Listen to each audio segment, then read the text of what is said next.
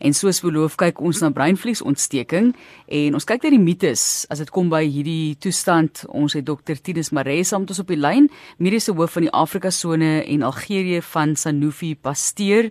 En Dr. Maree, kom ons gesels net eerstens gee vir mense perspektief oor wat is breinvliesontsteking? Hoe doen jy dit op asseblief?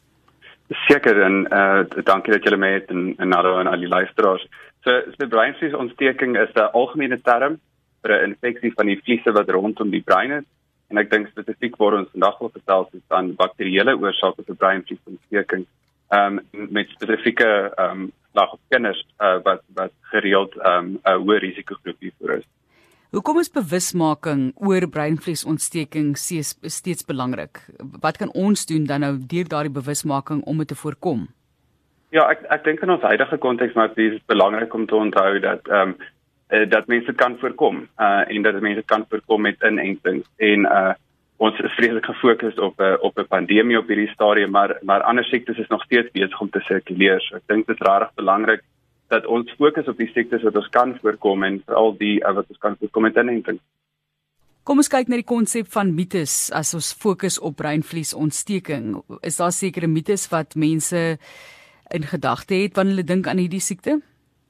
Wel ek ek dink dalk een van die mites wat mense kan uh, kan hê is dat dit dat dit nie ernstig is nie. En, en ongelukkig ehm um, het ons al gesien met breinvliesontsteking gereeld ehm um, is dit iets wat kan lei tot hospitalisasie veral omdat die aanvanklike simptome so non-spesifiek is. So so mense mense presenteer gewoonlik met, met grieptipe simptome en dis eers later wat mense die die die tipiese simptome van meningitis kry. En gewoonlik is dit dan baie laat. In die tyd wat uh, wat ouers dan het om uh om 'n kind by die hospitaal te kry of vir vir die geneesheer om hulle dan te behandel is uh is vreeslik kort.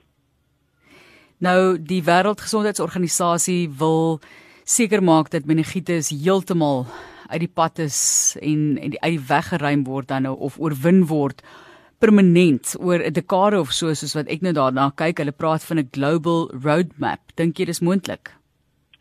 Dit dit is 'n dit is 'n groot uitdaging vir ons te doen. Die een een van die grootste redes hoekom die WHO so stelling kan maak is omdat dit 'n voorkombare siekte is. So so al ons daarbey gaan uitkom is as ons grootskaals mense kan immuniseer teen dit um, om seker te maak dat ons dan nou um, van die siekte uh, ontslae kan raak. So so so, so definitief um, 'n groot stelling om te maak, maar ek dink ek dink dit is definitief haalbaar um, as dit kan regkry om om grootskaalse inenting um, te kan implementeer.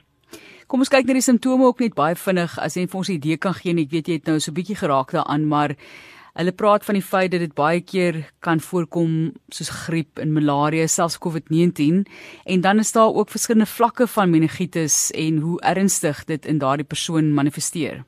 Ja, ja, so so so en dis dis regtig maar ons uitdaging met meningitis is dat die aanvanklike simptome kan jy eintlik toeskryf aan meeste infektiewe siektes. So jy weet dit kan se non-spesifiek dis 'n hoofpyn uh of of selfs 'n koors wees en ek wil daar kan mense tog toeskryf aan enige siekte maar soos vir die siekte dan nou um uh, progressief vererger en en en en nou um uh, uh vatplek kry in die liggaam dan dan begin mens nou um wat hulle praat van die nekstyfheid kry waar waar kinders bestaan om sal sukkel om hulle nek te kan buig en en en uh, hulle sal ook as jy liggie wil skyn in hulle oë sal hulle gewoonlik jou keer so ons noem dit fotofobie so dis daai is daai raak van die meer ehm um, jy weet spesifieke simptome wat mense sien, mense sien ook 'n uitslag, maar die uitslag gebeur ook nie so gereeld nie. So dis nie dis nie rarig iets vir mense as dit nou nie daar is nie, beteken dit nie noodwendig dis nie meningitis. Dis nie so die daai tipiese simptome kom ongelukkig eers heel wat later en dan afhangend van waar die organisme om dan nou uitset as dit in die bloed is, dan kan mens nou multiorgaan skade kry of as dit spesifiek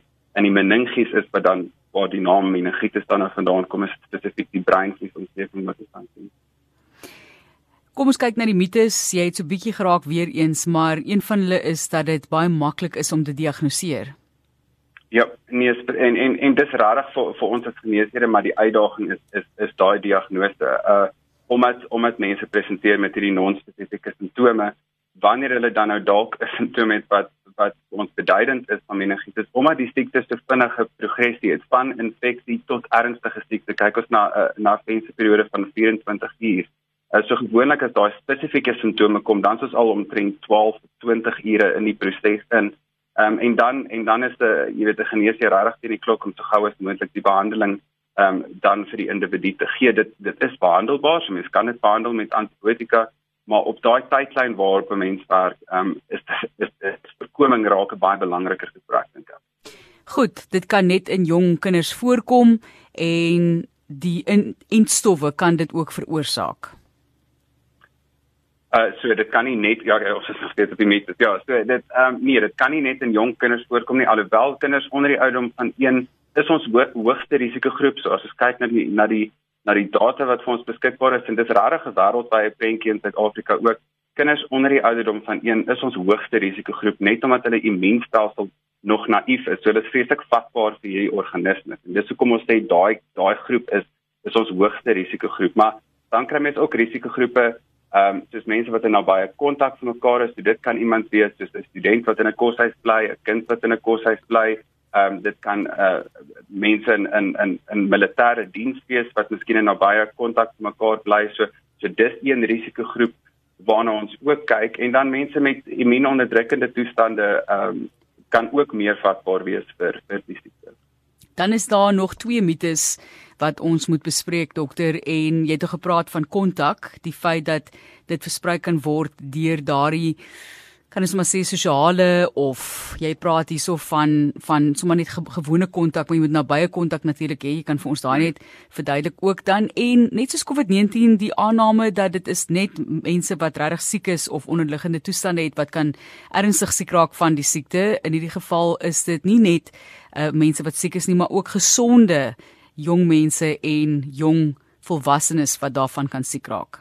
Ja, absoluut. Ek het praat oor die verspreiding. Dit is 'n druppelverspreiding.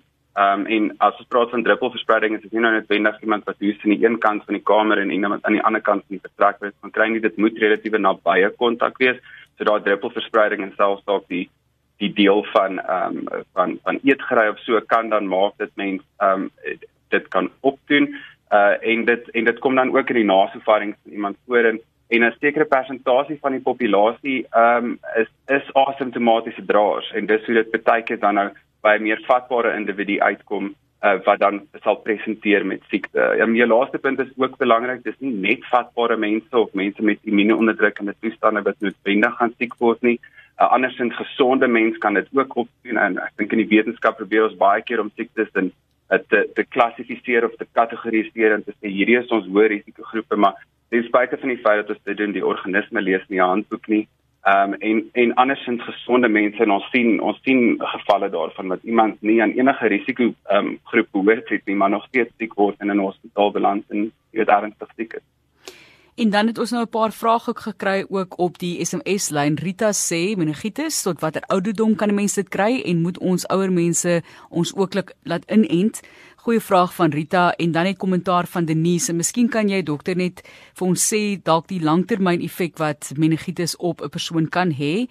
En Denise sê ek was 9 toe ek dit gekry het. Hierdie oggend begin opgooi en by die middag was ek in 'n koma. Moes hmm. weer leer loop en hande gebruik. Sure. Ja, dis dis uh, en en en daai is maar daai is die tipe stories wat mens hoor en ek wil mense bly om te hoor ehm um, sê sê dit oorleef maar die die langtermyn gevolge daarvan ongelukkig kan permanent wees weet dit enige iets van gehoorverlies tot eindorgaanskade se mense ehm um, jy te niere ophou werk ehm um, kan ook lei tot amputasies ongelukkig as dit uh, jy weet as dit vreeslike bloedverspreiding is later so so so rarige slegte ehm um, uh 'n neeweffekte vir alles kinders te kry dan sien mense ook inperking in terme van hulle ontwikkeling en mylpale. Uh so, so definitief iets wat mense eerder in daai geval sal probeer vermy in terme van wanneer mense die inenting kan kry. Ek dink ons ons fokus ons fokus bly van 'n van 'n tipe van standaard inentingsproses proses af om te fokus op kinders en dan van daar af om te probeer om te kyk of jy miskien in 'n risikokategorie val en daar sou ek sê weet gaan gaan vra vir raad by jou naaste um, immuniseringsentrum met baie van ons apteke deesdae selfsusters ook wat vir jou mooi kan verduidelik en op 'n individuele basis vir jou dalk 'n risikoassessering kan maak. Ehm um, wanneer ons nou eendag weer kan reis, ook 'n baie goeie idee om om te gaan uitvind maar daar waarheen ek reis is dit dalk meer endemiese area met met hoër gevalle wat ek dalk moet oorweeg om om ingeënt te word en dan uh miskien een of twee ander mylpale so as jy as jou kind ehm um, gaan skool toe stuur of hulle gaan miskien koshuis toe gaan, goeie idee om dan weer by 'n by 'n kliniek of by 'n dokter uit te kom of as hulle dan universiteit toe gaan, dis nog 'n risikogroep waarna ons moet kyk. oorweeg dan um, om om 'n stop te maak uh, uh oor jou kind by die koshuis gaan af.